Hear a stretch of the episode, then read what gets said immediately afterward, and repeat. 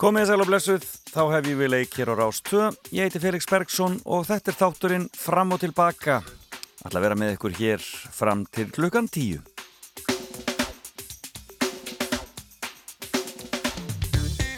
Já, það er óhætt að segja það. Það hefur verið hlýtt og blöytt hjá mér í morgun að koma út e, í bíl. Það voru bara einhverja 6 gráður og e, mann finnst þetta bara eins og vorveður en ja, hann blæst nú aðeins. Og e, það virðist vera svona svolítill gangur yfir sláttur á veðinu. Þeir segja það á veðustofinni að februar sé nú svona mánuðurinn sem við fáum oftast óveður á Íslandi. Og þó það hafi verið rólegt hinga til þá sé nú að það aðeins að breytast. Og við erum að fara að sjá einhverja viðvaranir. Þannig að Í Guðanabænum hvar sem þið eruð, fariði varlega, hættum ekki að endur taka það. Mikið þáttur framdann hjá mér í dag, ég fæ góðan gest í fimmuna eins og alltaf. Að þessu sinni Guðni Bergson, formaður KSI og hann ætlar að segja að fimm knaspunni nema hvað sem hafa haft áhrif á lífans og það er sannarlega viðburðarík og skemmtilega æfi sem þar er undir. Þannig að Guðni verður hér eftir smá stund og svo ætlum við hér eftir Nýju fréttirnar að kynast aðeins samtökum áhuga fólksum spilafíkn og heyri honum Erni Sverri sinni sem er það reitt forsvarsmanna. Sjálfur, sjálfur þetta glíma við spilafíkn og uh, þær eru mikið á því að það er ekki að opna aftur spilasali á Íslandi og ég vil bara heyra raukinn fyrir því. Svo verður fréttageturinn á sínum stað og svo ætlum við auðvitað að vera með lag dagsins hér í byrjun og er nokkur ástæði til þess að annars en að kýla á það. Ég hef verið að spila lögur söngvakefninni og allt innu dætt þetta lag upp í hendutun á mér. Uh, Dótti mín er alltaf að hlusta á þetta. Þetta er uh, lag eftir Júli Heiðar Haldursson sem er leikari og lagahöfundur og söngvari, vinnur fyrir á leikfælega Akureyrar í ögnublikinu um, og uh, hann varði í öðru sæti í keppninni árið 2017 með honum Degi Sigur sinni söngvara, lagið í stormi. Gaman að rifja þetta upp á lögadagsmótni vonið að hafa það hugulegt hvar sem þið eruð. Góðan daginn og svo byrjum við að rappa við Guðuna Bergson. Í brjósti mér brennum vonum betri tíði óska mér og svo ósk fær óðum lífin sama hvert litið er þar byrtistu mér og ég sem áttinn reyfaði rödd sem stakkar ótt og brítur sig inn í hjörtu og hug fór það lifnar við fölnuð ástef við höfum há vindanir breytast brá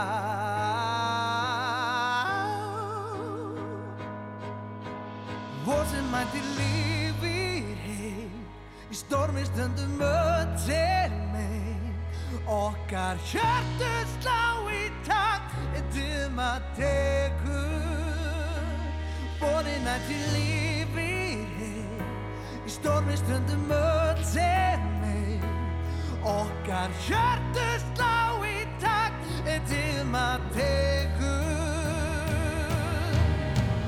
Nákvæm sásök í næðinum sá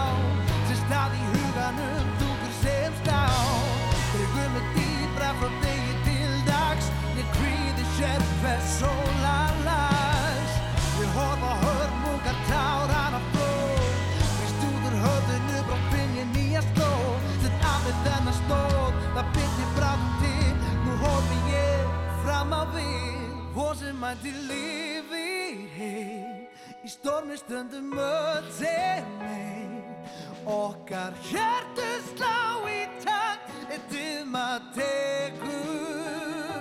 Nú voru að huga mínu mín og framtíðin er aftur skýr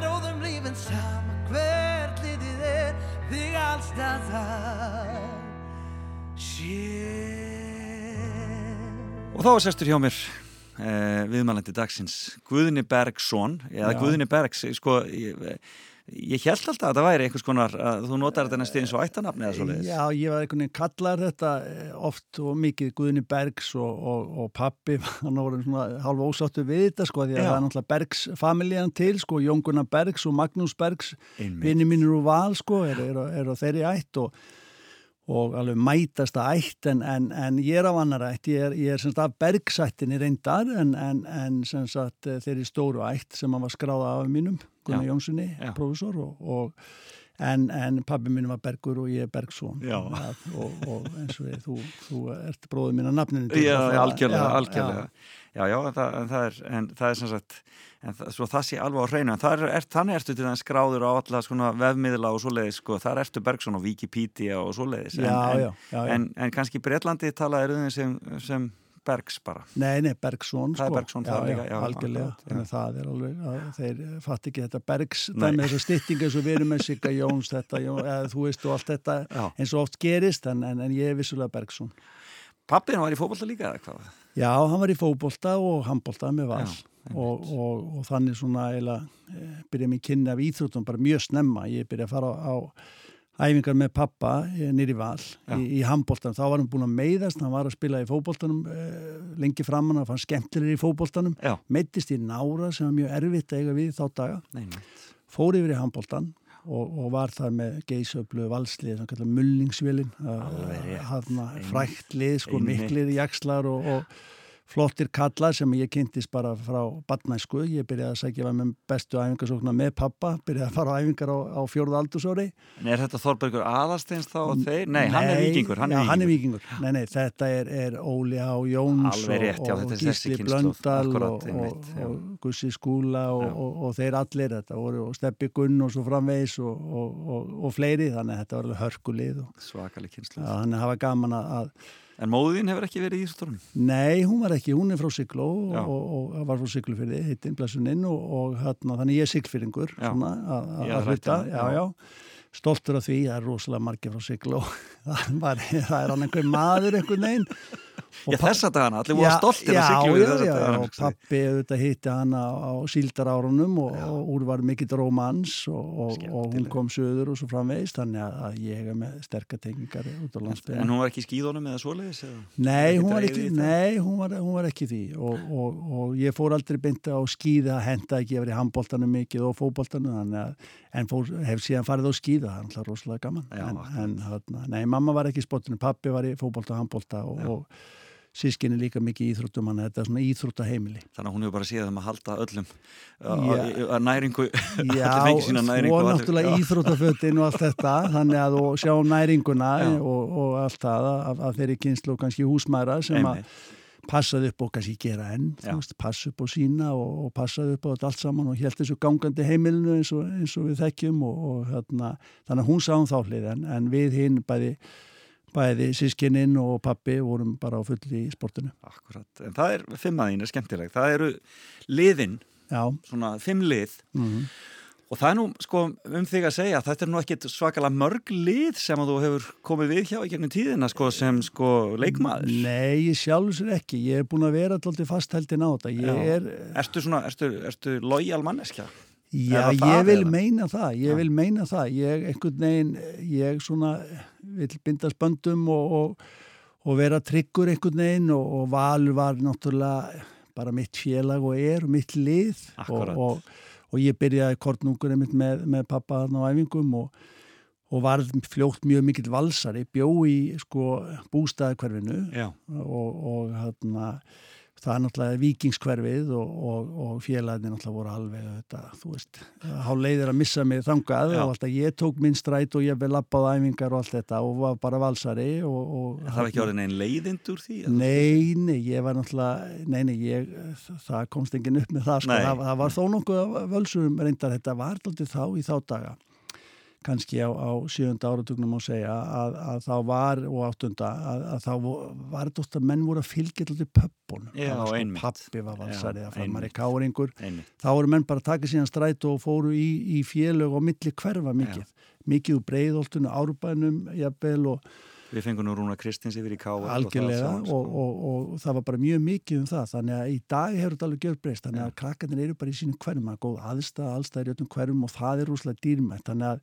ég myndi ekki mæla með þessi í dag en í þá daga var ég bara valsari, ég byrjaði að fara á æfinga með pappa og ólst upp í flokkunum, yngri flokkunum bæði fókbólta og handbólta og var Já. bara eh, rosalegu valsari Hvenær tekur ákvörðunum að, fótboltin sé bara þín, þitt sport? Það, það er nokkuð seint að ég var, var í hörkum, hörkum flokkum bæði fótbolta og handbolta og Já. sérstaklega í handbolti með raunni sko, þar var ég með köpum eins og Geira Sveins, Júla Jónasar og Valdimari Gríms og, og Koppa Sig og fleirum, eh, bara hörkulið menn sem að voru í landsliðin og heim, heimsliðum Já, sko, síðan meir og unnum, unnum alla titla og þannig að ég var eiginlega og byrjaði að spila það mjög snemma bara á 16. aldursári sko með mistarflokki þannig að, þannig að ég hérna í handbóltanum, þannig að ég held bara ég er frekar handbóltum, að var ju yngri landsliðum þar og, og gekk líka reyndar vel í fótbóltanum Já. en, en fannst ég vera svona betri og ég var meiri tækifæri í, í handbóltanum en, en svo þegar ég fekk tækifæri með mistarflokki 18 ára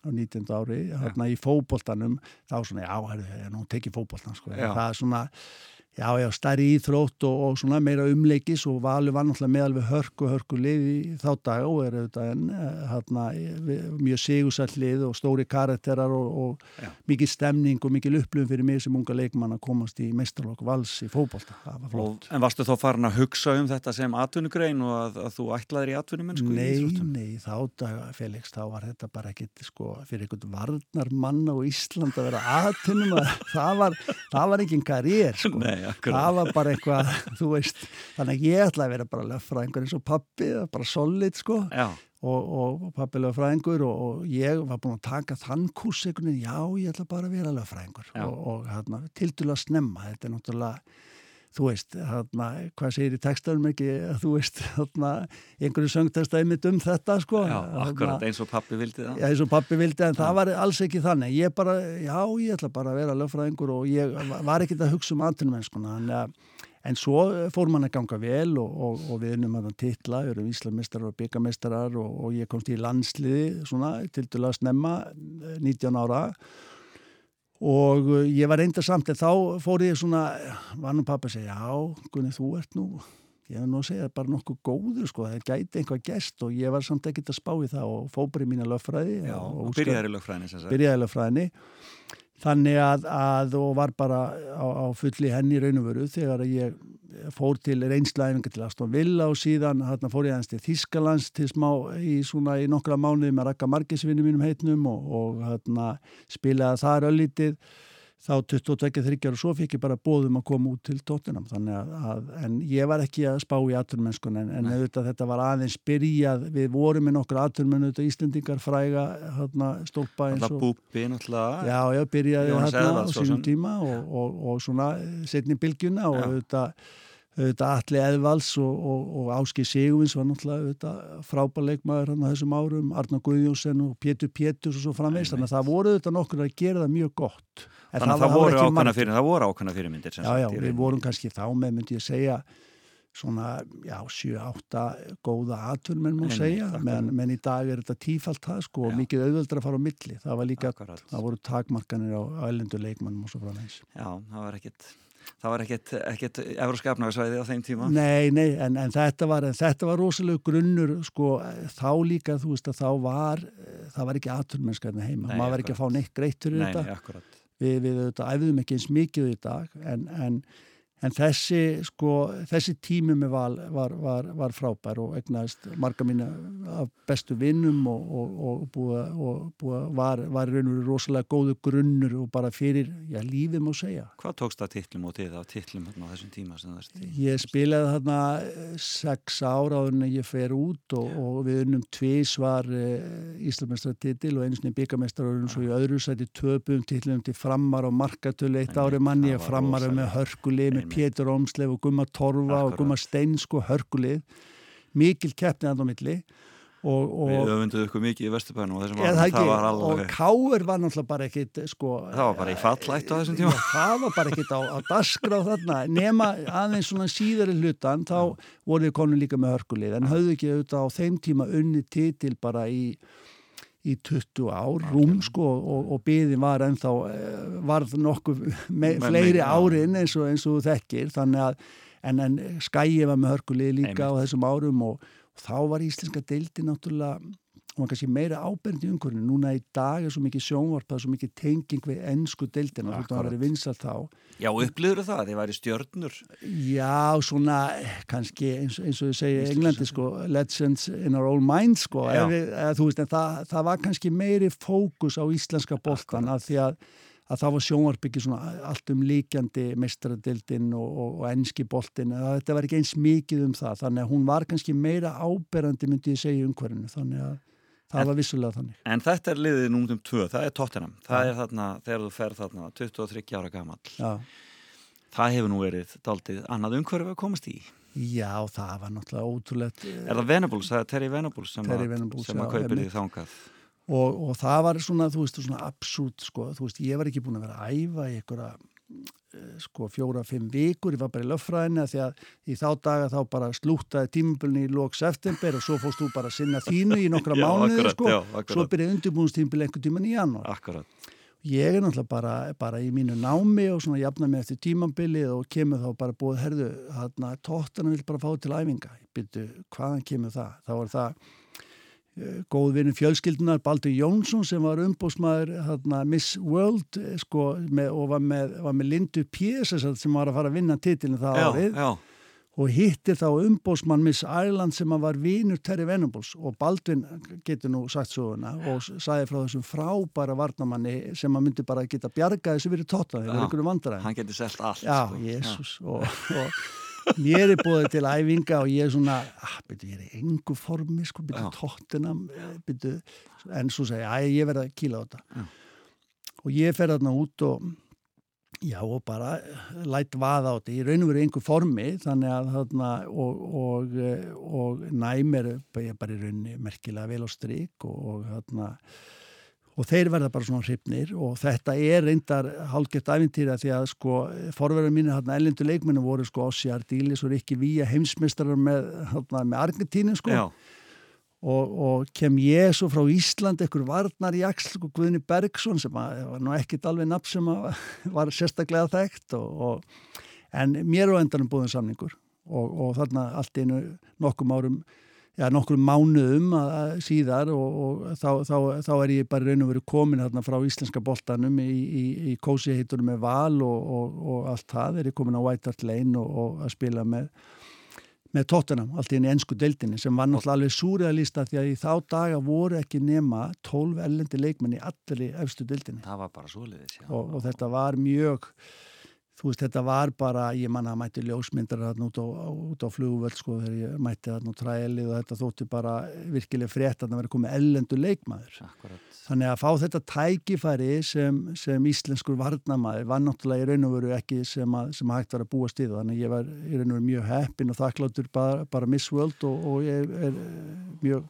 og, bara fyrir fegursamkennir og Baldur Jónsson og allt þetta en, en ég þurfti að geta einhvað og ég síndi nótis að vera búin samningur því að það er mjög sjálfgætt í raun og veru með svona trials og reynslu æfingum þannig að einhvað hafði maður og, og Hvað er, hvað eru margir að mæta á völlin á, á Vætartlein á þessum tíma? Hvað er þetta? Er þetta, er einhverja 20.000? Já, ég með þetta er múlið breytt. Þetta var tæpar 30.000 að mæta sem að manni þóttun aðskoti mikið og, og, og stól leikvangur og þess tíma mælkvæði. Í dag er þetta, þetta leikvangur með 60.000 sko, og, og þá var líka, þetta var svo öðruvísi þannig að, að þannig að maður kom náttúrulega pjúra aðtunumennsku og þú veist 40 manna leikmannópur ég menna og samkeppnin sko við vorum 42 senior players yfir átján.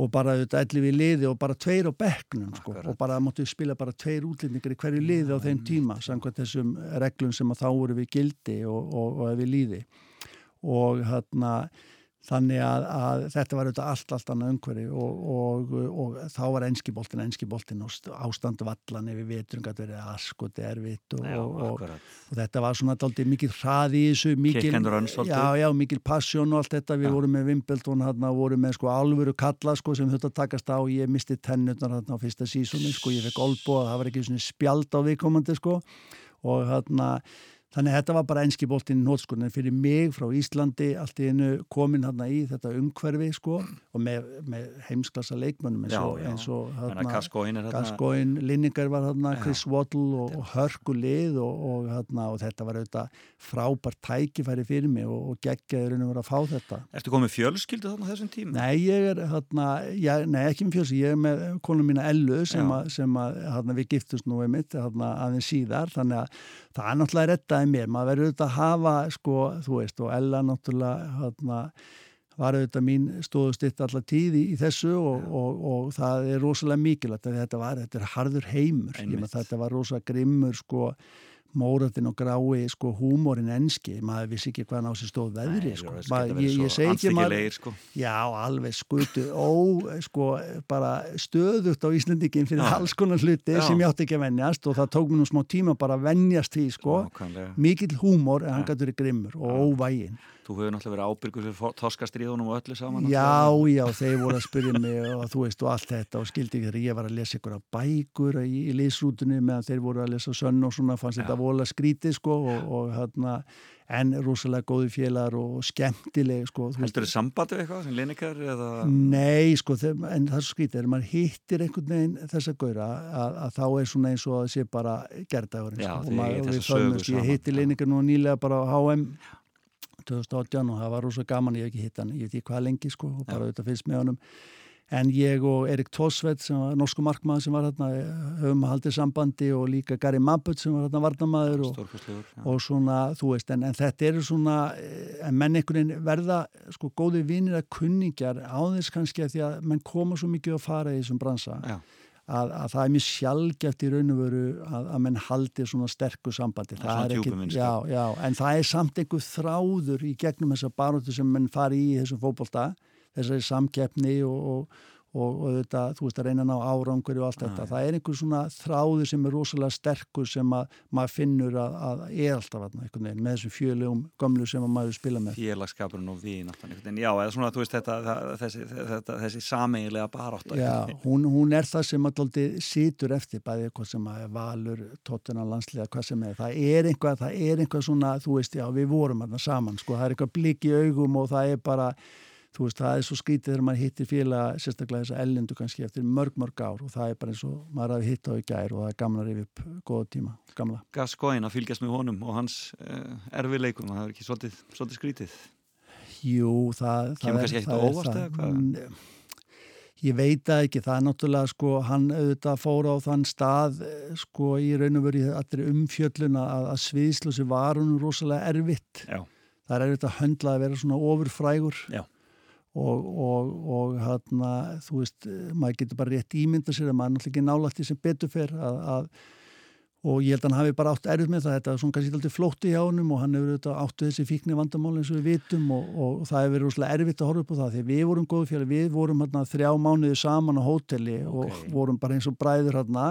Og það var skemmtilegu tími, það sem hann var brallað og, og vitlisast sko, meira af honum en mér verði að vilja taka fram en bara strákurinn var svo gjössanlega, hann var svo, þú veist, hafið svo mikla gleði og, og mikið lífi í sér og svo var svo sko frábæla hæfileika ríkur fótboltamaður og náttúrulega varð frábæk knaspundumæður með öllum þessum sjarmerandi manneskja, Já, það vantaði alg- ekki. algjörlega og enda lausfíblalæti og stríðni út í eitt sko, maður var aldrei örugum eitt niður neitt sko og, og hérna, svo var hann að lána Elju karaoke hérna sko maskina sín þegar við fórum að ferðalög og svona og þú veist og, og hérna, hún geti þá æft sig meðan ég var í burtu og eitthvað slíkt sko þannig að hann, hann hafði hann var, hafði gull hjartastrákurinn hann var viðkvæmur og þetta er búið að vera auðvitað erfitt að horfa upp á þessa baróttu hans sem vonandi gengur það vel en þetta er búið að vera erfitt. Akkurat. Þannig að uh, var partistand í þessu.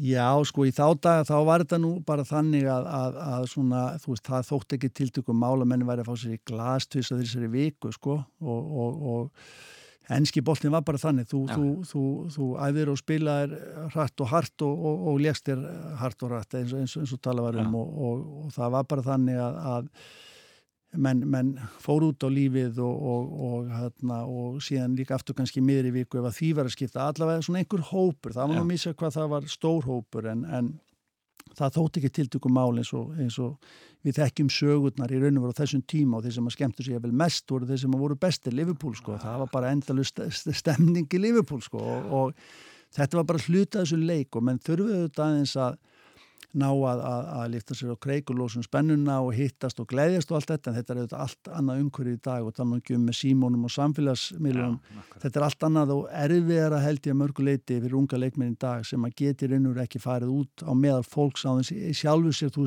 þú, þú ert aldrei örugur um að það sem að þú ert að gera er ekki verið að taka upp eða fylgjast með og fleira. Mm, og það getur verið örgulega erfitt fyrir unga menn allavega með hvernig þessi ungu menn sem að við vorum í den og hvernig, hvernig menn voru að skemta sér og svona en, en, en auðvitað er mikið fag, meiri fagmennski því að menn, menn verða hugsun um sem líkamlega og, og það er svona minni gleði hana, svona hvað, hvað skemtanlíf var þar í dag myndi ég telja. Já, já og kannski meiri, meiri átunumennska Já, já, meiri átunumennska meiri, meiri fagmennska og fókus og sviðslus og allt þetta.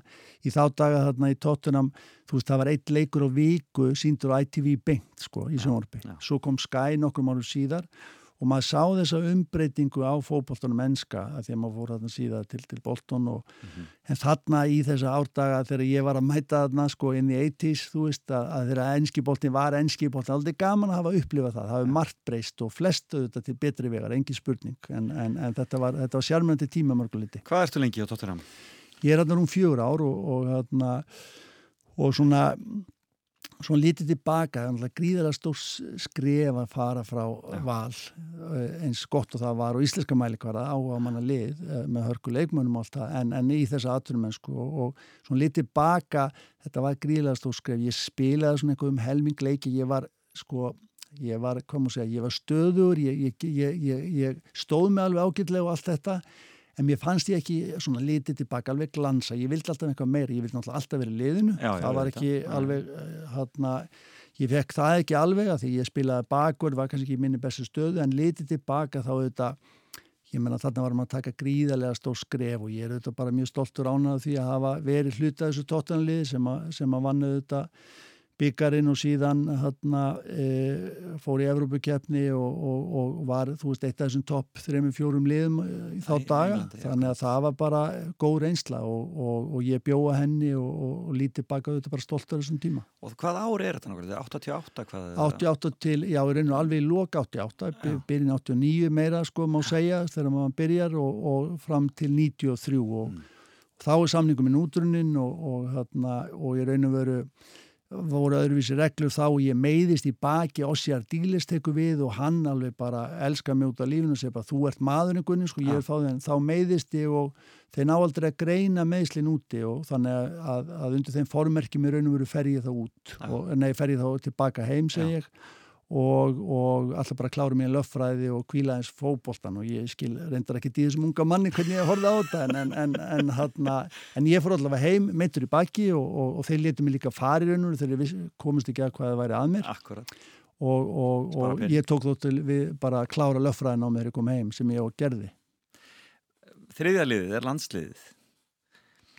Landsliðið 84 Já, eða svona sko, Frá 84 Já, frá 84, ég var náttúrulega heil lengi reynda með hlýi stóru hérna í landsleginu, ég byrjaði 84 spilaði með fyrsta landsleik og, og, eh, og spilaði með síðasta 2003 þannig ég var 19 ára, yfir 19 ára tímabill og, og það var auðvitað frábær, ég menna fyrir mig, ég man alltaf ég man alltaf til símtanir ég fekk sko, ég var, var valin í landslegi fyrst og það var voðalega stoltu stráku sko, ég var valin í landslegi auðvitað gríðarlega viðkenning fyrir alla unga leikmenn Hver er þjálfur á þeim tíu? Eh, Gunni Kjartans var þá með lið ja, og, og hana, það var svona mitt á milli síðan kom Sigfrid Held hann að skömmu síðar og, og þetta var þetta var auðvitað eh, já, bara frábær skref í raun og ég var ný til döla ný, komin í meistarflokk þannig að þetta svona gerist nokkur rætt og, og koma svo inn í þetta lið og með, hana, þetta voru svona, þú veist, með mínum auðvitað hetjum og allt þetta eins og þetta veist, maður var ekki að horfa mikið til þess en maður var þó allavega með þarna, þessum frábæra leikmunum sem að þá voru og, og stóri karakterar mm -hmm. komin í landslið og, og, og þetta var bara, já, þetta var flottur áfangi. Hvena var það best á þessum tíma? Hvað, hvað var besta? Hvað var svona besta liðið? Já, ég held að við svona kringum 1990 held ég og við vorum með og litið baka að þetta núna, hvað landslið... Þá var Ásker en þá spila? Já, já, Ásker spilaði svona fram til 1990 hætti þá. Já en þarna var allir eðval sem hætti líka svona kringum þann en, en, en Arna Guðjónsson, Pétur Pétus var þarna líka og, og þetta Siggi Jóns Óli Þórðafélagi minn sko, sem var, var þarna eiginmaður minn í 13 ár sko þar að segja inn í þarna við vorum, vorum herbingsfélagi í 13 ár ja, þannig að, þannig að þarna mjög og, og alveg frábær karakter og, og og fleiri góði Siggi Greitars og fleiri, við vorum með hörkulið og, og, og góða mannskap, Totti Öllegs og þannig að, en, en það vantaði svona aðeins hestlumund til að þá var svo erfitt, þá komst bara eitt lið í úslitt. Er Jolli þarna líka? Er, já, Jolli, auðvitað, Jolli kemur aðeins síðar. Jolli kemur aðeins kring 90 og, og 89-90 og verður einn að auðvitað máttastólpunum og þannig við vorum með, kannski vorum ekki alveg með eins mikla breyttu í dag, en, en enga síður með mjög stertlið, en, en það var Já, það var erfiðar, það var bara eitt lið að komast áfram í þessar úslítakeppnur og fleira og kannski líka bara að þú veist þetta að, að trúa því við gætum. Já, og, og, og hérna en við vorum alltaf jaft og þrétt eh, að, að, að bæta okkur og, og við vorum alltaf, maður er svo góður í minningunni sko, nú getur maður alveg, maður, maður sér þetta allt í hyllingum sko.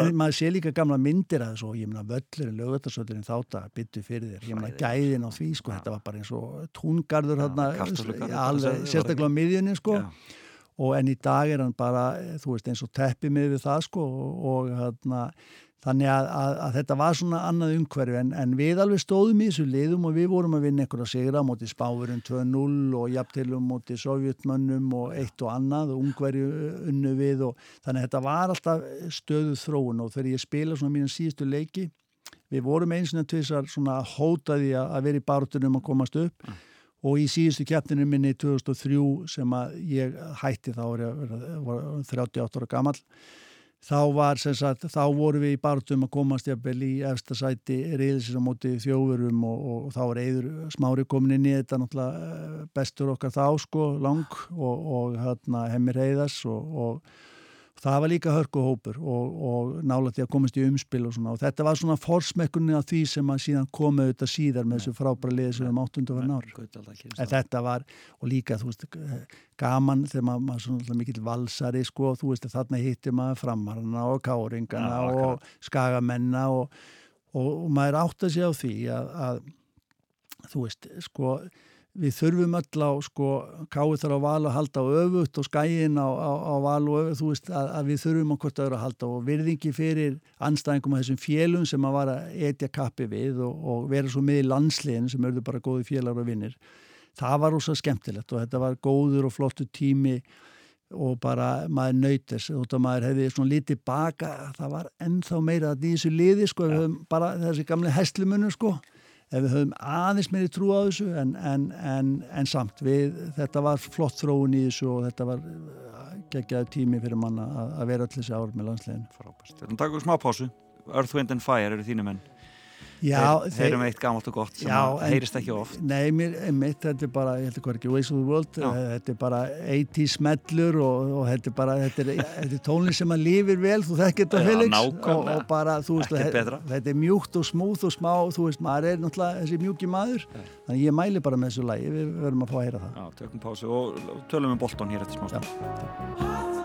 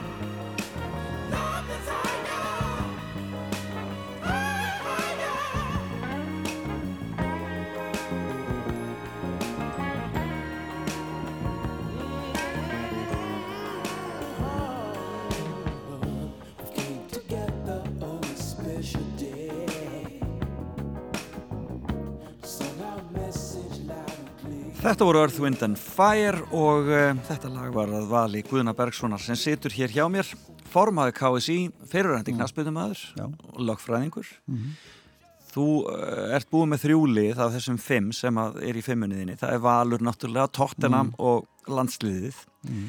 sem þú ferði í þetta frá 84 til 2003 en næst er það Bolton. Það var, það var mikil ástarsaga. Það var það og er eða ongoing, Já, ongoing sko, og Bolton Wanderers. Já. og það var, var gaman hvað að segja sko, ég, ég fór hérna heim eftir hérna, í lók Tottenham-félagsins í hérna 93 og, og, og er þá ílla meittur í baki með, með sprungi í ryggjalið og tekur alltaf tíma ja. að ná mér því, og, og ég tek þá bara minn tími að klára löffræðina þessi 1-2 ár sem ég átti eftir og vind mér í það og svona næmir góðum að meðslum spila með val hérna heima og, og hérna missa undirbúinstímil og byrja rosa þungur að ströggla og, og eins og gengur það bara vel þegar það líður á Það minnir svolítið á þegar Eidur kom heim einmitt og í, já, svona, já. Í, hérna, í, í skjólið og fór að spila með káður En ég var, já, já, ég var reyndar mjög léttar en Eidur en, en en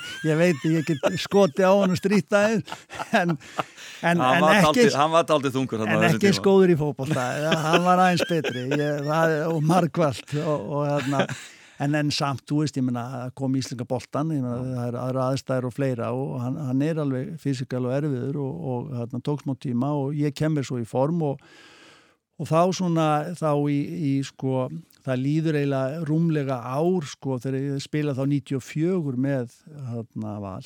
Og, og ferð þá e, ferð þá í rauninni sko klára það tímabil og klára svo löffræðina og, og, og þá fer ég byrjun ás 95 og þá heyrist að Bolton hafi áhuga. Og ég eiginlega bara hvaði byrju Bolton, hvað er Bolton? Eins og ég segja Bolton. Og hérna að því að þá hafði verið aldrei, farið aldrei svona í, í neðri deildir og verið aldrei bröðs út gengi á þeim undanfærin ári, svona stoltur gamar klúpur stopnaður 1874 eitt af stopnöndun deildarinnar 1888 okay, sko, já, já. Hvar, hvar er þessi borg? Já, þetta er góð spurning það, ég var ekki alveg ég var ekki alveg viss sjálfur en, en þetta, þetta er svona inn í Northwest og þetta er við hliðin á Manchester Já, þetta er bara þeim, og. Já, og þetta er svona í þessari vöggu sko, innbildingarna, þetta var, var svona bómund Bandarínu var sterkur hérna og þetta er stolt, uh, stoltu bær, stærsti fjölmennasti skráði bær á Englandi 270 manns í Greater Bolton area, það er alveg okay. mikilvægt sko. Og, og hérna og þannig að þú veist þetta er bara hátt í hérna, íbótölu Íslands og, og, og, hérna, e, og mjög stolt og gott fólk hérna, og þeir byggðu mér og þá voru að byggja upp nýtt lið með, með hann heit Bruce Rioch sem var þá stjórin og topp maður sem hafi verið mistari með Darby, Skoti mikill flottur að fóðs út til Arsenal, mjög flottur stjóri. Og, og þeir buðu mér þarna út sagt, til æfinga, kíkja á mig og, og þá var ég þá sagt sko tóttunum átti á rétt á mér. Reglurna voru þannig. Þetta var, þetta var svona flækjust lögfræðilega hver, þeir áttu mig, ég var alls ekki sáttu við það þeir voru, sko. voru þrælar að þessum tíma. Já já, algjörlega, reyndar vel hann að borgaði þrælar en, en, en, en enga þeir tóttunum áttu mig og, og hérna, en á endan semst var mér bóðið þarna og, og, og það var hérna bara það sá mig á, þá að ég farið til Krista Pala sem að vildu semja við mig en þá lendur ég vandraði með tóttunam og þið sáum einhverjum æfingarleik og buðum mér sérst þarna til Bolton og ég ákvað bara slá til. Ja. og byrjaði þá í raun og veru þarna, því að þá voru þeir í efstu sko sætum í fyrstu dildinni eða championship sem er núna og voru að berjast þegar komast upp í úrlustild eftir, eftir langa fjárveru þar. Og, og hérna og ég slæði bara til og þannig hörku hópur daldi, bara hörku hópur sko svona englendinga og, og, og hérna og eh, ég bara, mér líst bara vel á þetta. Og þarna sem sagt held ég kannski myndi verða í 2-3 ári eitthvað svo en það eruð 8 ári í lókin og, og En mikið flakk svona upp og niður svolítið? Þið já, voru, til að byrja með og já. maður tók svona þátt í því að, að, að byggja upp má segja þetta lið og þennan klúb og var þarna fyrirliði lengst af og, og eiginlega nánast allan tíman og, og þannig við á endanum náðum að festa okkur í sessi í þarna, efstu deild já. og, og, og þarna kom Sam Allardyce sem er nú þekktu stjóri og, og, og þeir fóru síðan rétt eftir í hætti semst í Evrópu og, og við náðum að festa þarna boltan þarna í sessi efstu deild og, og klúpur nátti frábæran tíma og ég er svona Og þið góð ár þarna fjölskyldan. Já, tengdist rosalega sterkum böndum hann að bæði fólkinu eignaðist mjög góða vini hana, og, og, og bönnin okkar er alveg þarna upp og, Hvenær og fæðast þau? þau fæðast, Bergur fæðist í, í reyndar í London og, og, hana, og síðan Páldís Björk í Bolton þannig að þau, þau alast þarna upp í Bolton og eru svona Boltonians og, og, og englendingar sem er stolt af því. Og það var gríðarlega gott þarna að vera með krakkan og þetta er svona, þú veist, að þetta er á mörgum heiðana þarna í, í, í sko, leikdistrikt og þetta er svona sjarminandi staður, svæði, fallit svæði í rauninni.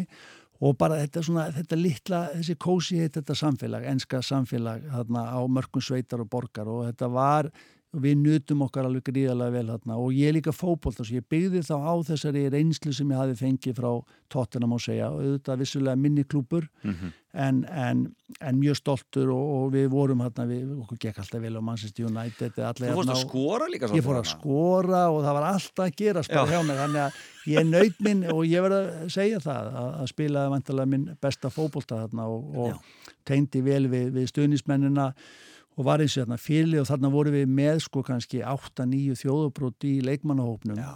þarna var enski boltin komin Þarna byrjar hlutin að breytast, sagt, og að gera þetta að sko liði, þú veist liðsheild og það kom fyrir við jafnvel ekki með einlending í byrjunarliði. Já. en þetta náðu að hrist upp í helviti gott lið, við vorum hann með JJ Okotsa, Djorkaev og, og fleiri góða leikmenn og, og frá Skandinavíu og svo kom náttúrulega Eiður hann, Arna Gunnlaugs Einmitt, og, akkurat. og, og hann myndaði svona hann, Tengsl við Ísland. Teng, Já. tengsl við Ísland og, og, og þau báru mikla verðingu fyrir Íslingum og þannig að þetta var gríðarlega góð tími og, og svona gefandi og fyrsti leikuminn fyrir Bolton var einmitt á Wembley og þá kom ég inn á í úslitum í Deildabíkunum liðsins Já. og við rétt höfum 2-1 á móti liðbúli hörkuleik Já. og það var svona fyrst en síðan þá sko 95 þá nokkum viku síðar þá unnum við play-offs leikum móti Redding eh, endum sko, byrjum 2-0 undir og unnum svo 4-3 endanum, alveg rosalega leik 80 manns á vellinum og bara geggju stemning já, já. og, og boltan komið aftur þú veist, í emstu deildina. Þannig að svona var byrjunin og, og, og þetta var í raun og veru þetta var bara, við vorum alltaf að berjast við að fara upp eða halda sæti okkar og þetta var endalaus sko, hérna svona aksjón í þessu og, og, og ég naut þessa tíma alveg, alveg virkilega og, og bara fólkið þarna og þetta, var- þetta var frábært tími. Og þú heldur tengslunum með þú, í formaður í einhverju, einhverju, einhverju áttagafélagi þannig? Já, ég var formaði fyrirvægandi leikmanna en svo settur mig af að því ég var náttúrulega í Ísland, þetta var ekki alveg praktísk sko, og, og hérna, en, en ég held alveg tengslum og, nú náttúrulega hefur aðeins gefið á bátinn en að boltanar ströglunum komið nýri neðstu deild og það sýnir bara hvað fótboltin er auðvitað eins og hann er fallvaltur sko með miða við sko Er það peningaleysi þá? Það er bara peningaleysi og bara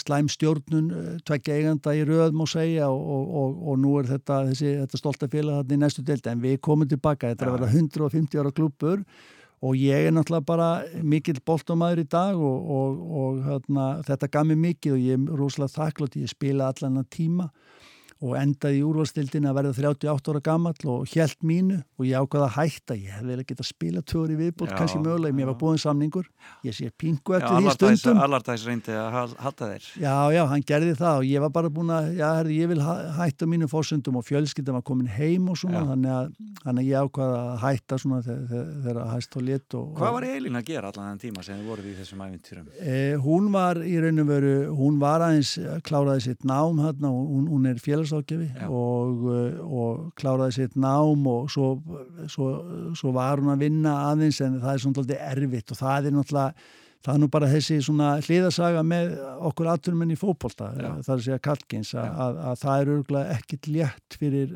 þarna okkar konur og, og stelpur að, að vera í þessu, þetta, þetta er svo mikið fókus er á og alla hérna okkar starfsfélag mennur að fa fara á milli og fleira þannig að, að auðvitað var það hún sem að var, var mín stóð að stitta í þessu og, og, og maður hefði auðvitað ekkit verið án eða, eða geta þetta án hennar og, og, og það er bara þannig og, og, hérna, En ég held að fleiri sem að tala þannig auðvitað knaspinu menna, við verðum að hafa hafa, hafa þetta kona með í þessu ef, ef, ef vel á að vera. Akkurat, góðan maka, það skiptir Já, allir máli. algjörlega. Eh, Börnin hafa ekki delt þig inn í íþróttinnar E, jú, þau gerðu það. E, þau voru, þarna, voru með vikingum í, í yngurlokkunum og bergur upp í meistarlokk og þau meittust bæði svona þegar þeir voru komin svona e, setni luta úlinga aldurs og það er svona þannig að þau hættu bara eitthvað svona 17-18 ára eitthvað svo leiðis. Já. en, en áttu rosalega góðan tíma með vikingum það var skrítinn sko, ég mann það þegar ég kerði berg á fyrsta æfinguna sko, hann er í vikingsemli, maður náttúrulega var auðvitað óþróskaður þá ennþá sko, kannski ekki ennþá orðin þróskaður en það var alltaf erfitt. Já, svo var maður bara, auðvitað kalla bara áfram vikingur og vikingur auðvitað, ég er mikla taugur til vikings eða því að ég bý í fósöðunum Einmitt, og, já, og, og þetta er líka með ekki væntum vikingana og, og það var bara rosa gaman fyrir þau og þannig er þetta í dag að krakkarnir fara auðvitað bara í sín hverfisfél og, og, og þau bæði Bergur og Páldisberg áttu bara frábæran tíma, tíma með vikingum þannig að vikingur hefði allir getað dottið á þennan lista sko, þannig að séð. en hann fór í fatahönnun sá ég. Já, hann fór í fattaðunum Já, var að gera það gott það? Já, er að gera gott með, með, með þarna 66 á norður og, hefur verið að hanna sjálfur og svona og bara rosa spennandi og flott að fara í svona skapandi greina sko, þú veist og þetta, þetta er svo þetta er bara frábært og, og, og er að gera góð hlut og nýtum sér það. Þannig að bara, bara virkilega þarna, virkilega flott og Páldís Björk er, er, er svona leiðin í viðskiptafræðinu var að spá í arkitektur og svona þannig að þeir eru meira skapandi en, en kallin sko. ég er gamli varnamaðurinn en, en, en eins og særi, ég, ég er náttúrulega áttu, áttu til að skora, það En er, það- takk fyrir að segja það Já, en það er náttúrulega sköpun í þínu starfi í dag í, sem formaði KSI og Já. það kannski er það sem síðasti klúburinn sem þú ætlar að. Mm. tala um sem að tengist kannski því starfi, einherji Já, einherji og vopnabyrði þú spilar aldrei með þeim Nei, ég gerði það ekki og, og ég bara einhvern veginn varði, ég var að hugsa þú veist hvað myndi svona einhvern veginn maður stendur fyrir og þetta tengist auðvitað starfið mínu sem formaði KSI og, og, og bara fóboltin sem hefur náttúrulega átt svona stóran hlut í mínu lífi og verið þetta kannski að vissu leiti ráðandi að mörgu leiti bara að, að, að, að svona sem áhugamál og starf og svo framvegis og, og Og, og ég vildi bara nefna það sem svona núna því að mér finnst að endurspegla það sem er svo margt gott í fótboltan hér, hér í landi að, að ég fór þarna á, á síðasta ári og, og heimsótti þarna einherja á, á vopnaferði og, og, og gisti þarna á Hotel Tanga í góðu yfirlæti og, og horfið þarna á leik á, sem er átt á móti ægi í þriðutildinni, Já. ægi þólagsöp og þá var þólagsöp búin að að ferðast sem sagt sko þá, þá um daginn þegar koma hóteli, kvöldi fyrir leik sko tól tíma ferðalega með æfingastoppu og allt þetta og þú veist, og engin atvinnum mennska þarna Nei. og þú veist, og maður hugsaði bara, þetta, þetta er eitthvað svo frábært við þetta, dugnaðurinn og eljan og svona eins og ég sletti for the love of the game einhvern veginn og, og, og ber svo mikla virðingu að því maður getur auðvitað talað um sko, þú veist, þetta endurspilka starfi allstaðar í raun og veru, við getum talað um við getum talað um Magna, Völsung, Sindra, Vestra og, og, og Viking Ó og svo framvegis sko landsbyðarliðin, auðvitað er þetta líka á, á höfuborgarsvæðinu en það er kannski taldi erfiðara stundum að halda þessu starfi úti e, þú veist á landsbyðinni, það er meira fyrir því haft. Og þannig 600 manna byggðalag í vopnafyrði taldi afskekt. Og þeir eru með meistarflokka kalla og, og vilja byrja meistarflokka kvenna, yngjulflokka starf og allt þetta. Og maður byrja mikla virðingu fyrir þessu starfi og, og, og horfa á hana leik og, og all, þessi svona ákveðin og, og sama, sömu elementi sem maður spila, þú veist, og kannski minna sviðslásöðut og allt þetta, minna umleikis, eh, minni peningur og allt þetta, en þetta er fótbolti. Og, og þetta er það sem að mér finnst eins og með íslenska fókbóltan og grásútastarfi eins og við erum að tala um með, sko, eins og með ynglvokastarfi hjá okkur sem er svo frábært, sem að, það sem er raunverulega svona hvað mesta gildi fyrir fókbóltan. Auðvitað er, er, er sviðslösi mest á ennsku úrvalstildina, landsliðin og, og, og, og, og efstu deildir, Pepsi Max deildin og allt þetta. En, en sko í grunninn byggist þetta allt á græsóttastarfinu, ynglflokkunum, þú veist, börnin okkar sem er að njóta sín og svo framvegis og svo kemst einhverju í það að verða að komast í, í sitt meistarflókslið eða, eða, eða jáfnvel atvinnumennsku eða landslið. En sko gildið er þarna og gildið er í raun og veru í liðum eins og einherja eða ægi eða, eða þrótti eða hvað sem er í öllum deildum og, og, og mér fannst bara einhvern veginn svona, þú veist, ég, ég upplifið þetta ennþá sterkar auðvitað þegar maður, þú veist, reynir þetta bara sjálfur sem formaður KSI þótt að maður hafa alltaf verið þá finnum maður bara hvað, hvað það eru margir sem koma að þessu góða starfi flotti sjálfbóðlegar, þjálfara, fossásmenn og allt þetta og leikmenn, þú veist það þannig er að, ótrúlega fjöldarheyfing já, er það. Og mikilvæg þú veist, í þessu sko á þessum tímum okkar þegar þegar reyfing er svo mikilvæg þú veist að, að við erum allt þetta sko aðgengi að tölvum, tölvuleikjum og fleira og við erum ágjörða krakkar en reyfið sér ekki. Þannig bara fyrir líðhelsun og fyrir líka bara og fyrir okkur bara á, sem áhagamál fyrir fókból fókbóltin er að ég tel gríðarlega mikilvæg fyrir samfélagið og skemmtan og, og góð reyfing Briljant, þetta verður að vera loka orðin við erum sko gjörsanlega brúnir á tíma. Já, það er bara þannig. Já, bara, bara...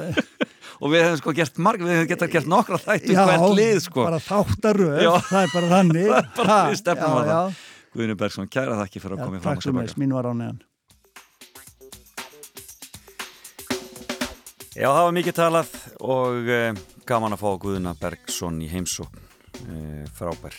Eh, en um, það fyrir að líða að nýju fréttum hér hjá okkur í fram og tilbaka og svo höldum við áfram hér á Rás 2 og um, e, margt framöndan við ætlum að tala við hann e, Örd Sverrisson sem er einn e, aðal mannana í nýjum samtökum, samtökum áhuga fólk sem spila fíkn og svo verður frétta geturinn á sínum stað. Þannig að já já, það verður nóg um að ræða þar. Eh, en eh, gaman að heyra í Guðuna og gaman að heyra sögur af fólki eins og Gary Lineker, Sam Allardyce Terry Venables og Paul Gascoigne og svo náttúrulega allt þessi æfintýra hans. En eh, ef þið mistuð af spjallinu og voruð að vakna þá kemur þetta allt inn á samfélagsmiðluna eða inn á eh, hlaðvarpsveitunar veitunar að loknum þessum þætti. En tökum okkur smá pásu og höldum svo áfram hér í fram og tilbaka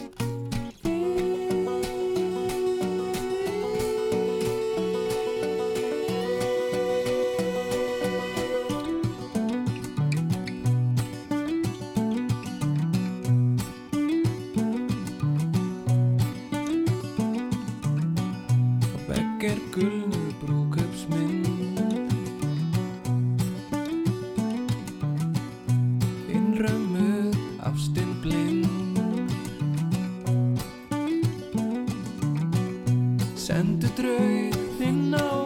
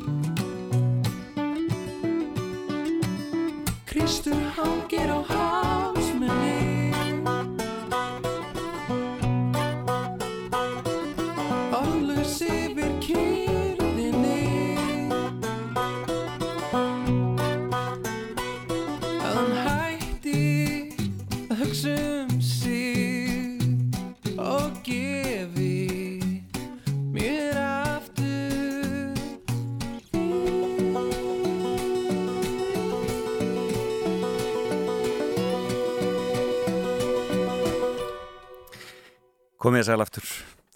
Já, þetta var Múkisson sem hóf leik hér eh, eftir nýju fréttinnar og eh, Haglíl er eh, lag sem að eh, texti sem var til í kringum snjóflóðin fyrir vestan skilst mér og eh, þetta er alveg ótrúlega vel gert hjá Kalli.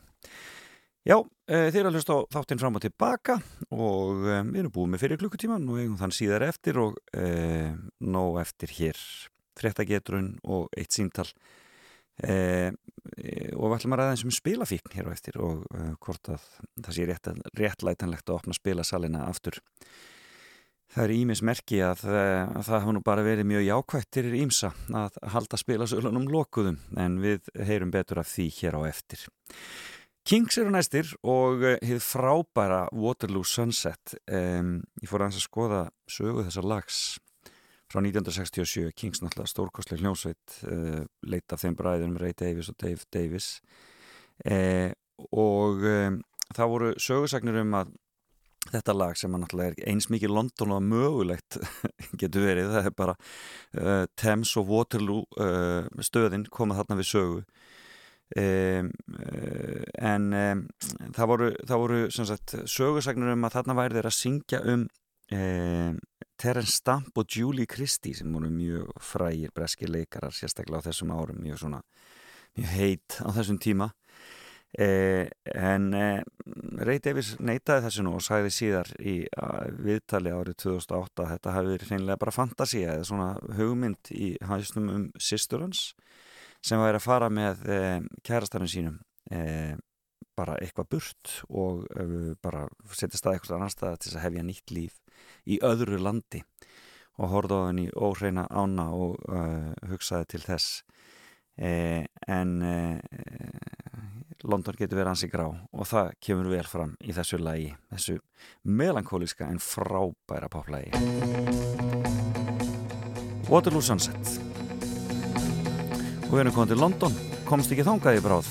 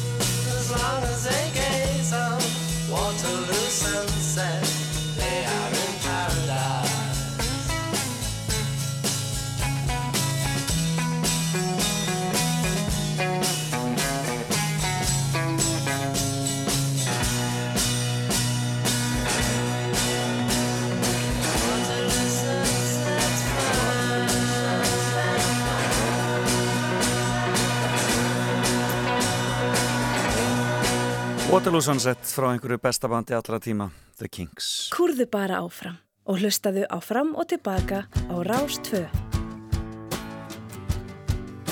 Hér eru Túnin Breaks, Underdog heitir þetta lag, eða Save Me.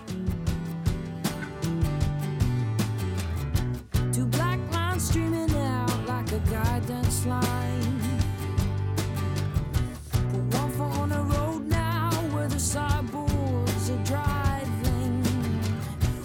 The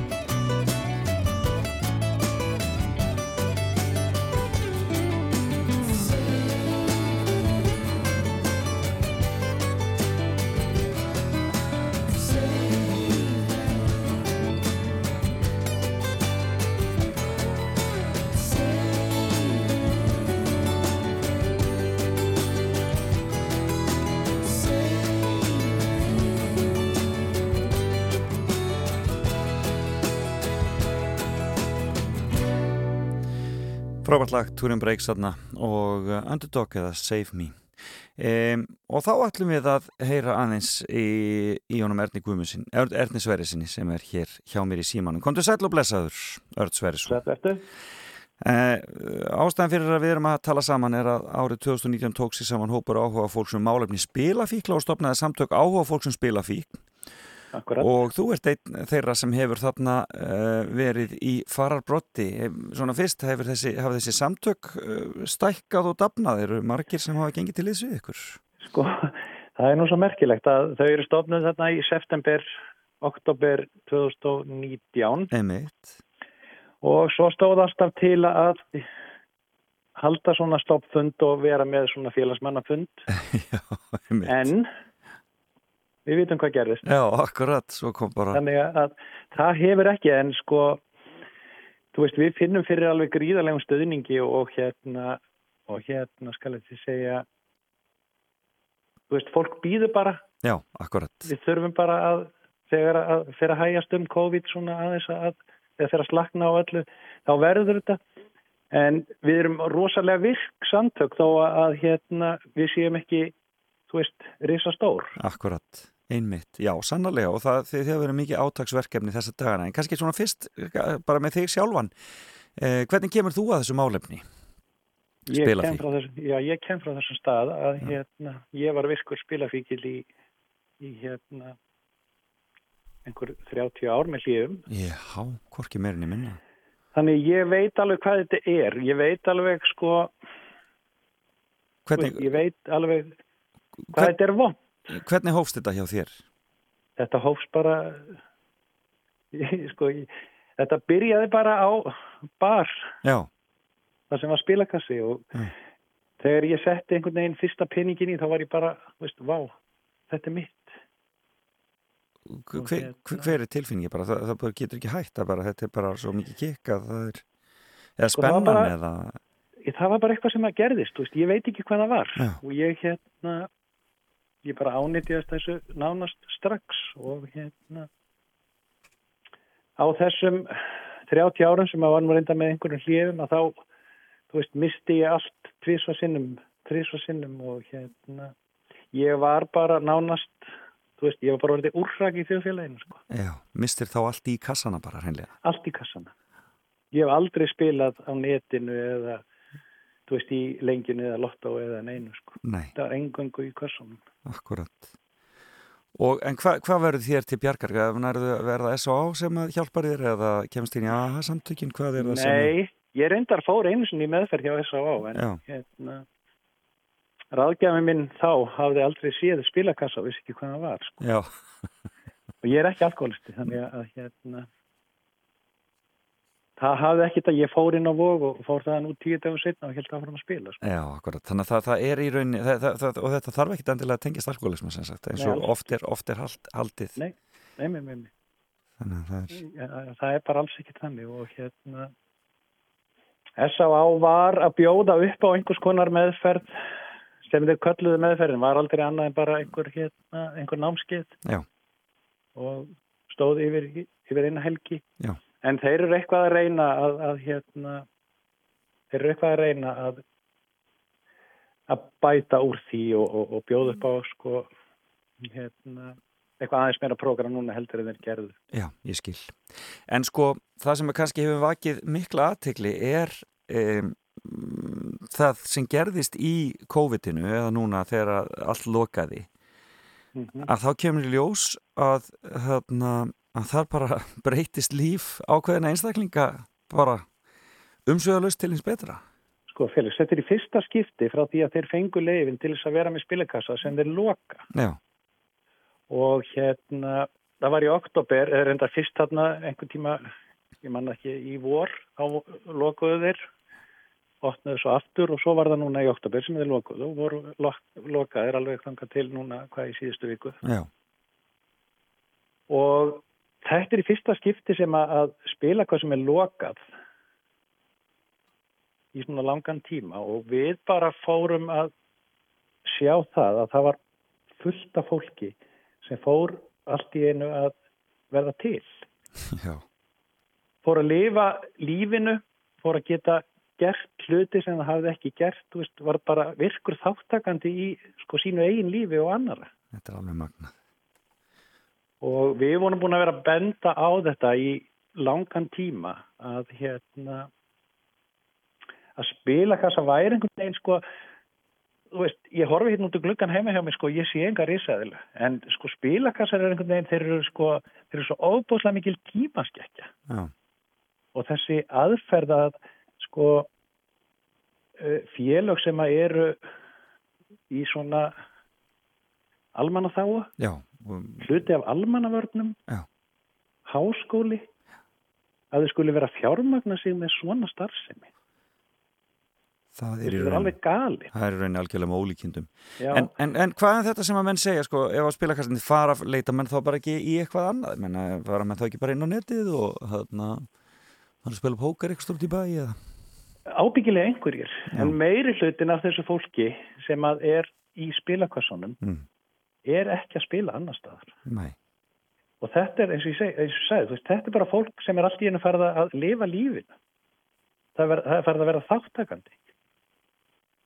Og hérna, En það hlýtur að þurfa eitthvað meira heldur en bara að loka spilakostuna. Þurfa menn ekki líka að taka einhvern veginn þá vinnuna eða spórin eða einhvers sko skref sko, til þess að skilja hvað gekk á eða hvernig þetta jú, hefur sko það, er það ekki eitthvað sem kemur svo í framhaldinu? Jú, kannski, einmitt. Er það ekki bara eitthvað sem gerist þegar að fólk finnur það hvað það er, ok, gott að vera spilalaus og þá fer það að gera eitthvað annað, eitthvað Já. meira og fer að, þú veist, taka næsta skref.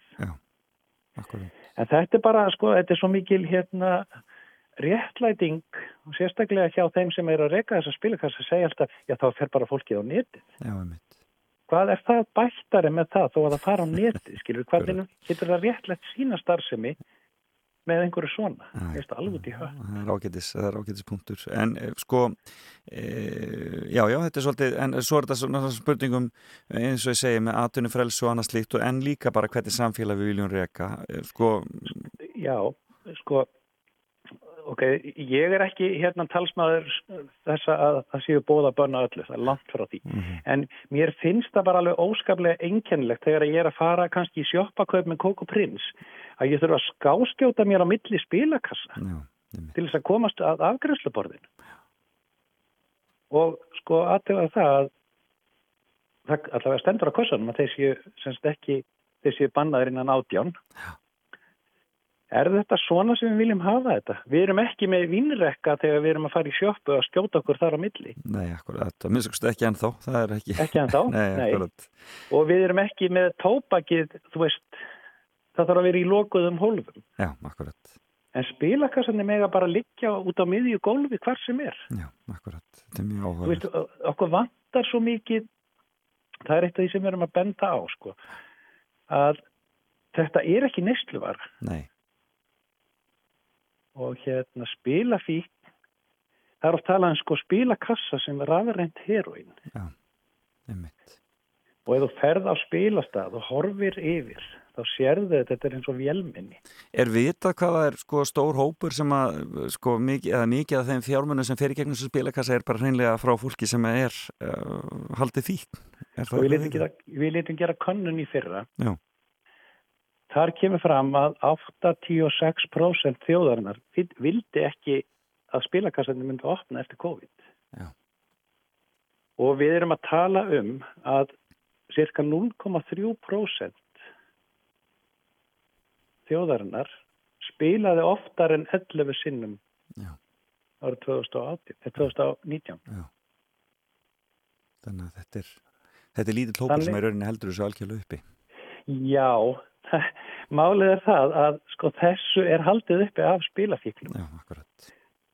Það var- hérna, Já, þetta verður mjög, verður mjög áhugavert að sjá hvernig þessu umræða þróast áfram og þið eruð í miklu átæki og með auglýsingaherferð og, og gott fólk með ykkur sem að er að, að, að tala fyrir málstæðanum. Hvernig, hvernig getur fólk leitað ef það vill koma og stiða við málstæðan og, og, og vera með ykkur í þessu? E, sko við erum með síðu sem að heitir lokur.is mm og eins erum við með hann einn á Facebook, lokum.is og við erum bara, þú veist, við erum að segja þar inni reynslu sögur fólk sem að hefur lent í þessu, við erum að tala þar, tala þar við aðstandendur og málið er það sko að við hvern einn spilafíkil eru kannski 6 til 8 sem að verða beinir sko, verða fyrir beinum afleiðingum af, af spilafíkli. Einmitt, akkurat. Þannig að þetta er gríðarlega stór hópur sem að verður sko og þú veist öll lífsgæði þau skerðast svo óbáslega mikið. Já, einmitt. Þetta, Þannig að mál, þetta er, þetta, þetta mál heldur áfram og verður bara mjög áhugavert þannig að sjá hvernig uh, pólitíkin tekur á þessu og hvernig ykkur oftar að ganga í þessu máli. Ég bara uh, þakkaði kærlega fyrir spjallið Örd Sverjesson og gangi ykkur vel hjá félagi áhuga fólksum spila fín. herðu, takk kærlega fyrir spjallið. Gaman að heyri þér, blessaður. Takk bless. Já, þetta er áhugavert mál og uh, mun halda áfram. En hér er Emilína Torrini og hefði frábæra titilag úr leiksýningunni Vertu Úlfur.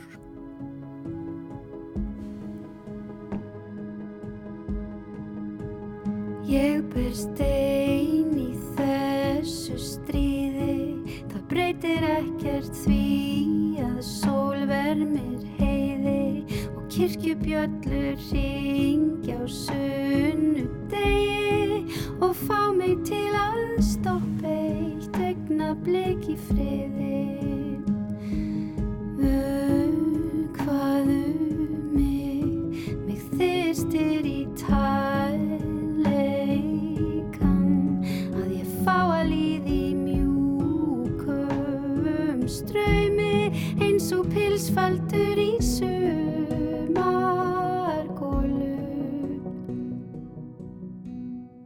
Vil vakna þakkinn dögg sem leipir sólargull í stein sem situr þungur í maga mér sem fastast. Ljósið fær hann til að kristallast og endur speklar hlýjum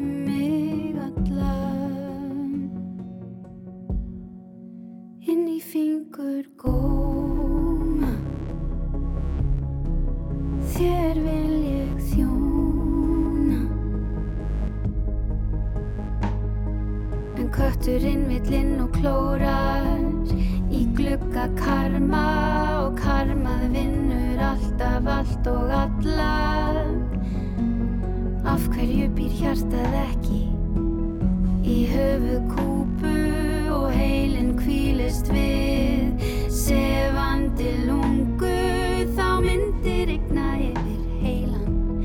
Ástar hjúpur og kæla þetta sviðna hugar ángur. Og ég vil að þú vitir að hefði ég haft vitið hefði ég dansað við þig bara. Ég ringsólast í törum skuggasælu til ég veltist um í tjörum og hvítum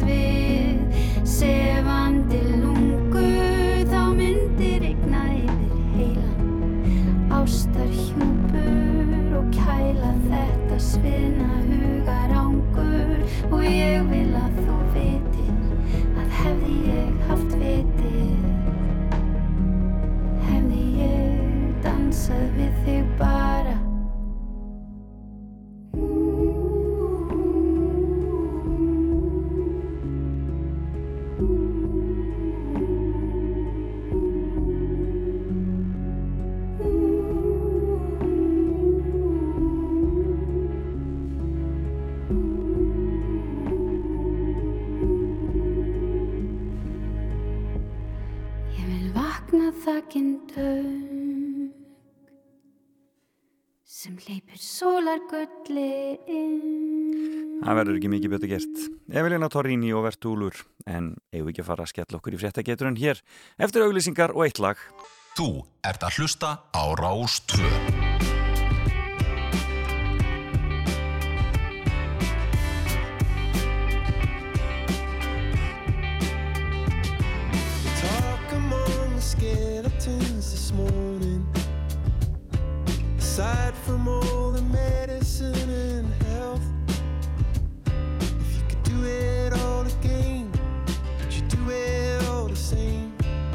There something that you'd tell your former self?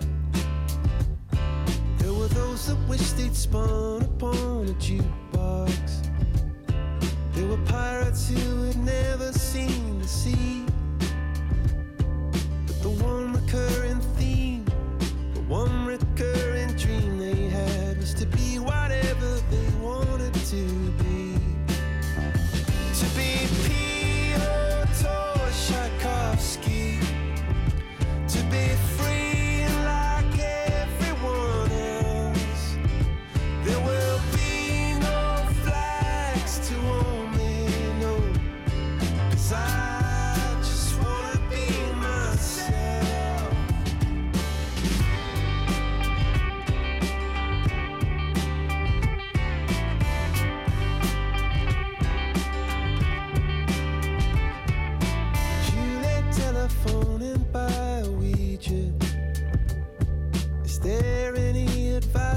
You could give?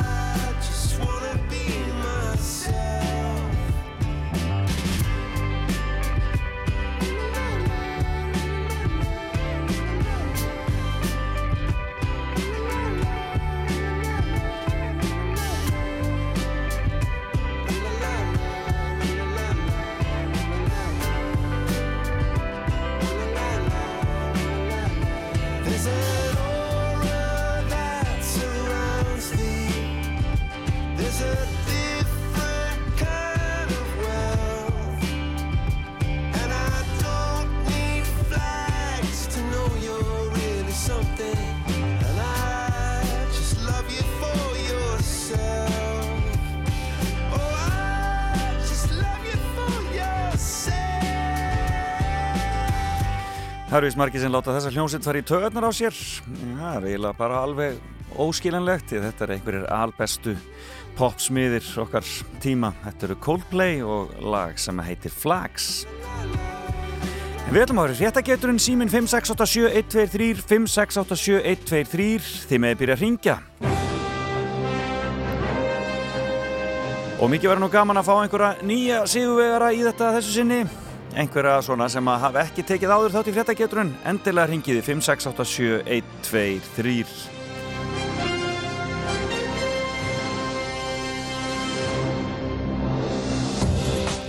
og verðlaunin gjafabriði kræma Það er margt búið að vera í fréttum, þetta ætti að vera skemmtilegt og það er Átni Freyr Magnússon og hans fólk í tækniskólanum sem að býr til fyrir okkur geturunina að þessu sinni, fréttageturunina eins og svo ofta áður og við skulum bara það lofa hér alla línur þannig að skulum bara kýla á þetta. Góðan daginn! Góðan dag! Góðan daginn. Ætla blessaður, heyrur vel í mér? Ég heyri átóski. Hvað ertu stattur? Ég er ekki stæðum til raskar til núna. Hvað segirðu? Ég er að keira hérna fram hjá laugum. Það er almennilegt maður. Og er Já, ekki, er- ekki vetraríki hjá okkur þarna? Jú, aldeilis. Já. Allt, í ka allt á kafi snjó. Já, það er almennilegt og maður saknar þess að komast ekki norður á svona tíma Svo dásamlegt Heyrðu, já, við skulum byrja á þessu bara Kýlum á þetta, svo þú lendir nú ekki í einhverjum vesenni þannig á bílnum Í, Já, í, það er betra. í vikunni voru dýr sem eitulifja barónin Pablo Escobar flutt til, flutti til Kolumbíu í fréttum því að þau eru farin að valda bændum vandræðum Veistu hvaða dýr þetta voru? Og eru? Uh, Sem Pablo Escobar flutti til Kolumbíu Skjóttu nú Uh, Hvaða dýr flutti Pablo Escobar til Kolumbíu?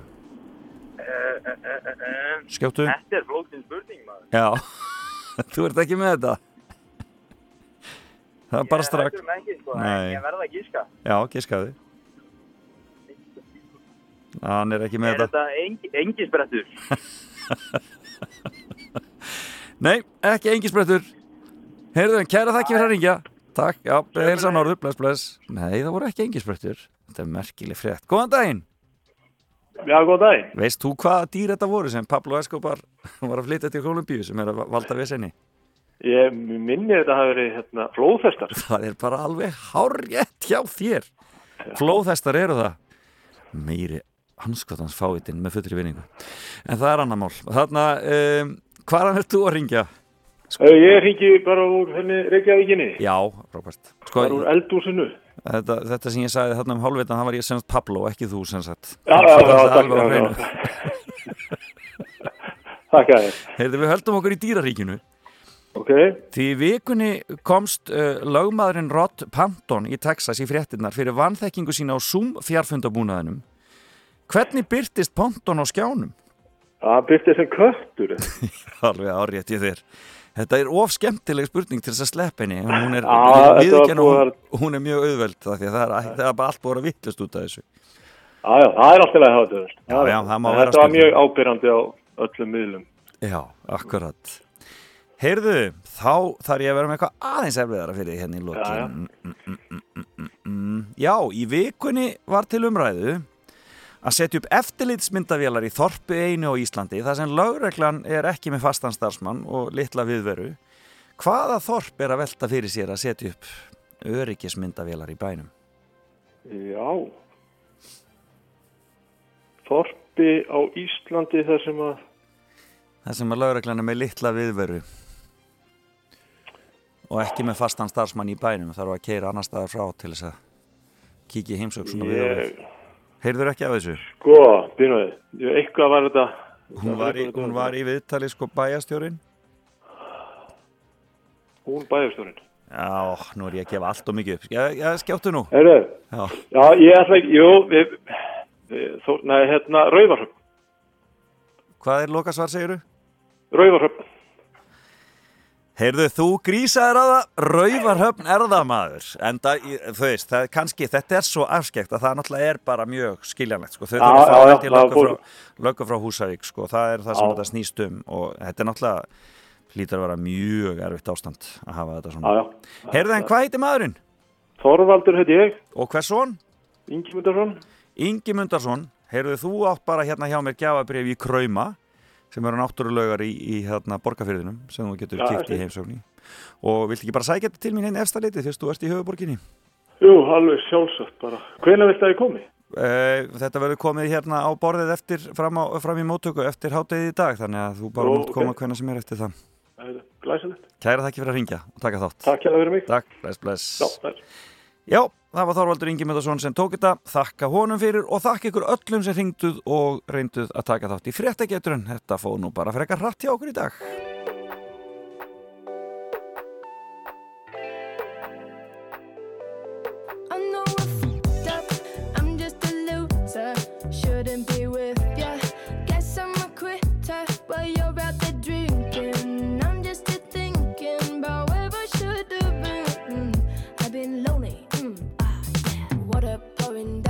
the ceiling. I knew this would happen. Still hard to believe it. Maybe I'm dramatic. I don't wanna see me. I don't wanna panic. I'm a sad girl in this big world. It's a mad world. All of my friends know it's heaven. You're a bad thing.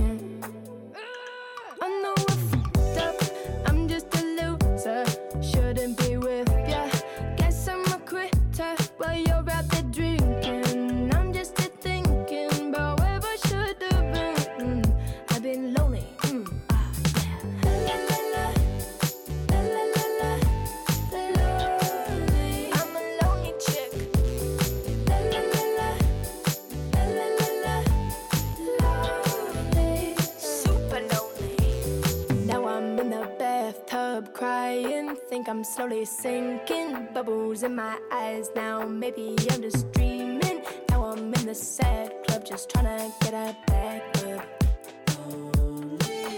I'm a sad girl in this big world. It's a mad world.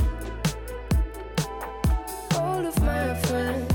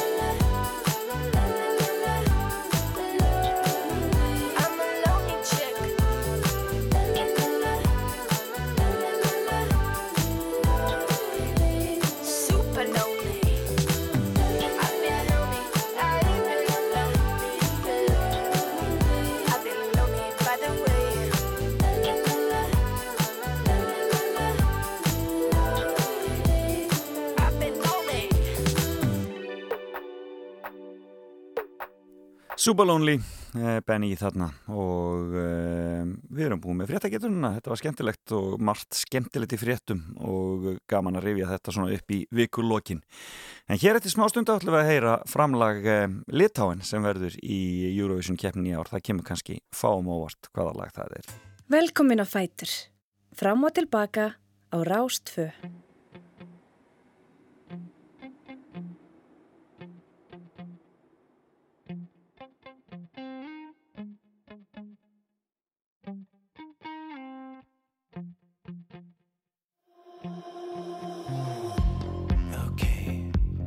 feel the rhythm. Something's going on here. The music flows through my veins. It's taking over me, it's slowly kicking in. My eyes are blinking and I don't know what is happening. I can't control it, don't wanna end it. There's no one here and I don't care. I feel it's safe to dance alone. Dance alone. Dance alone. Dance alone. Dance alone. Dance alone. Dance alone. Dance alone. Dance alone.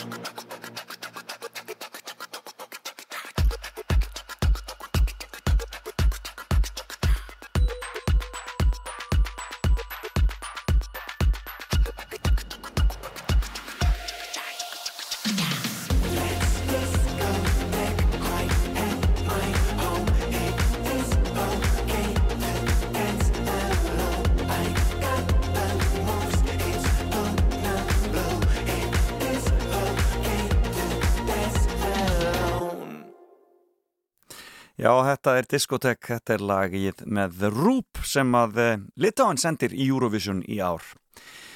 Daskar Rásar 2 í dag, hún er, uh, uh, já, mikil eins og alltaf á lögutum. Hér eftir tíu byrja Salka Sól með sinn þátt og fær góðan gest til sín til að rappa og uh, njóta með okkur tímans fram að hátdeisfrjöttum. Alli tekur við eftir það með allir það ekki og þar getið þið ringt og sendið óskalögin ykkar og svo er vinsættalisti rásar 2 á sínum stað klukkan fjögur.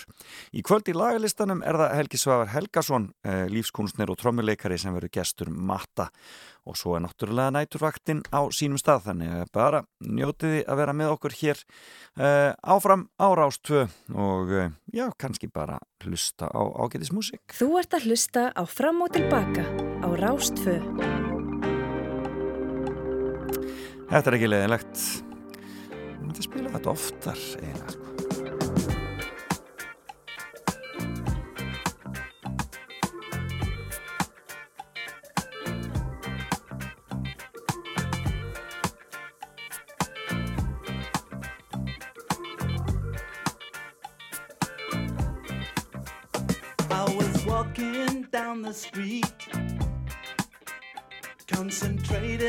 Truck and right. I heard a dark voice beside of me, uh-uh. and I looked round in a state of fright.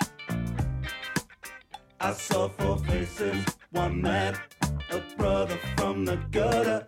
They looked me up and down a bit and turned to each other.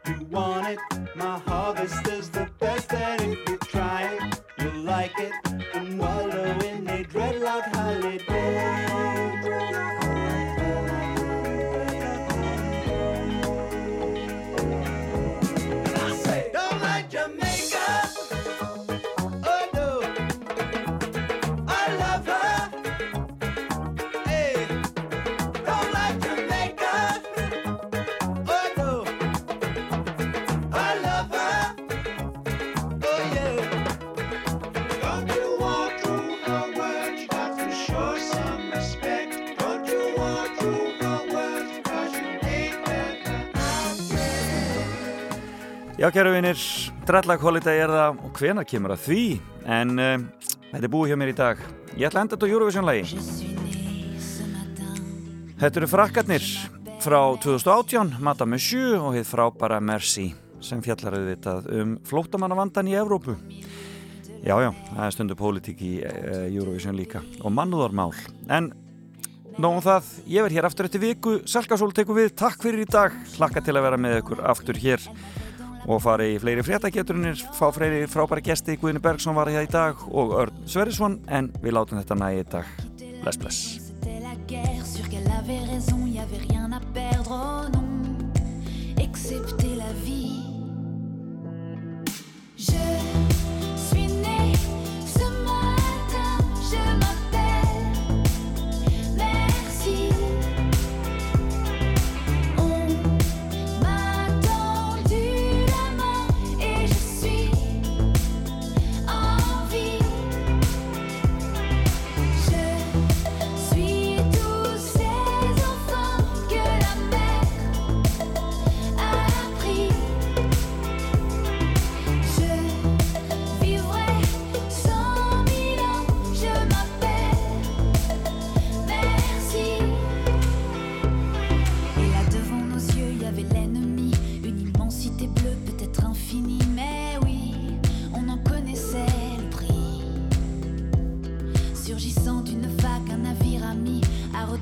sa chance à notre survie. C'est là que j'ai poussé mon premier.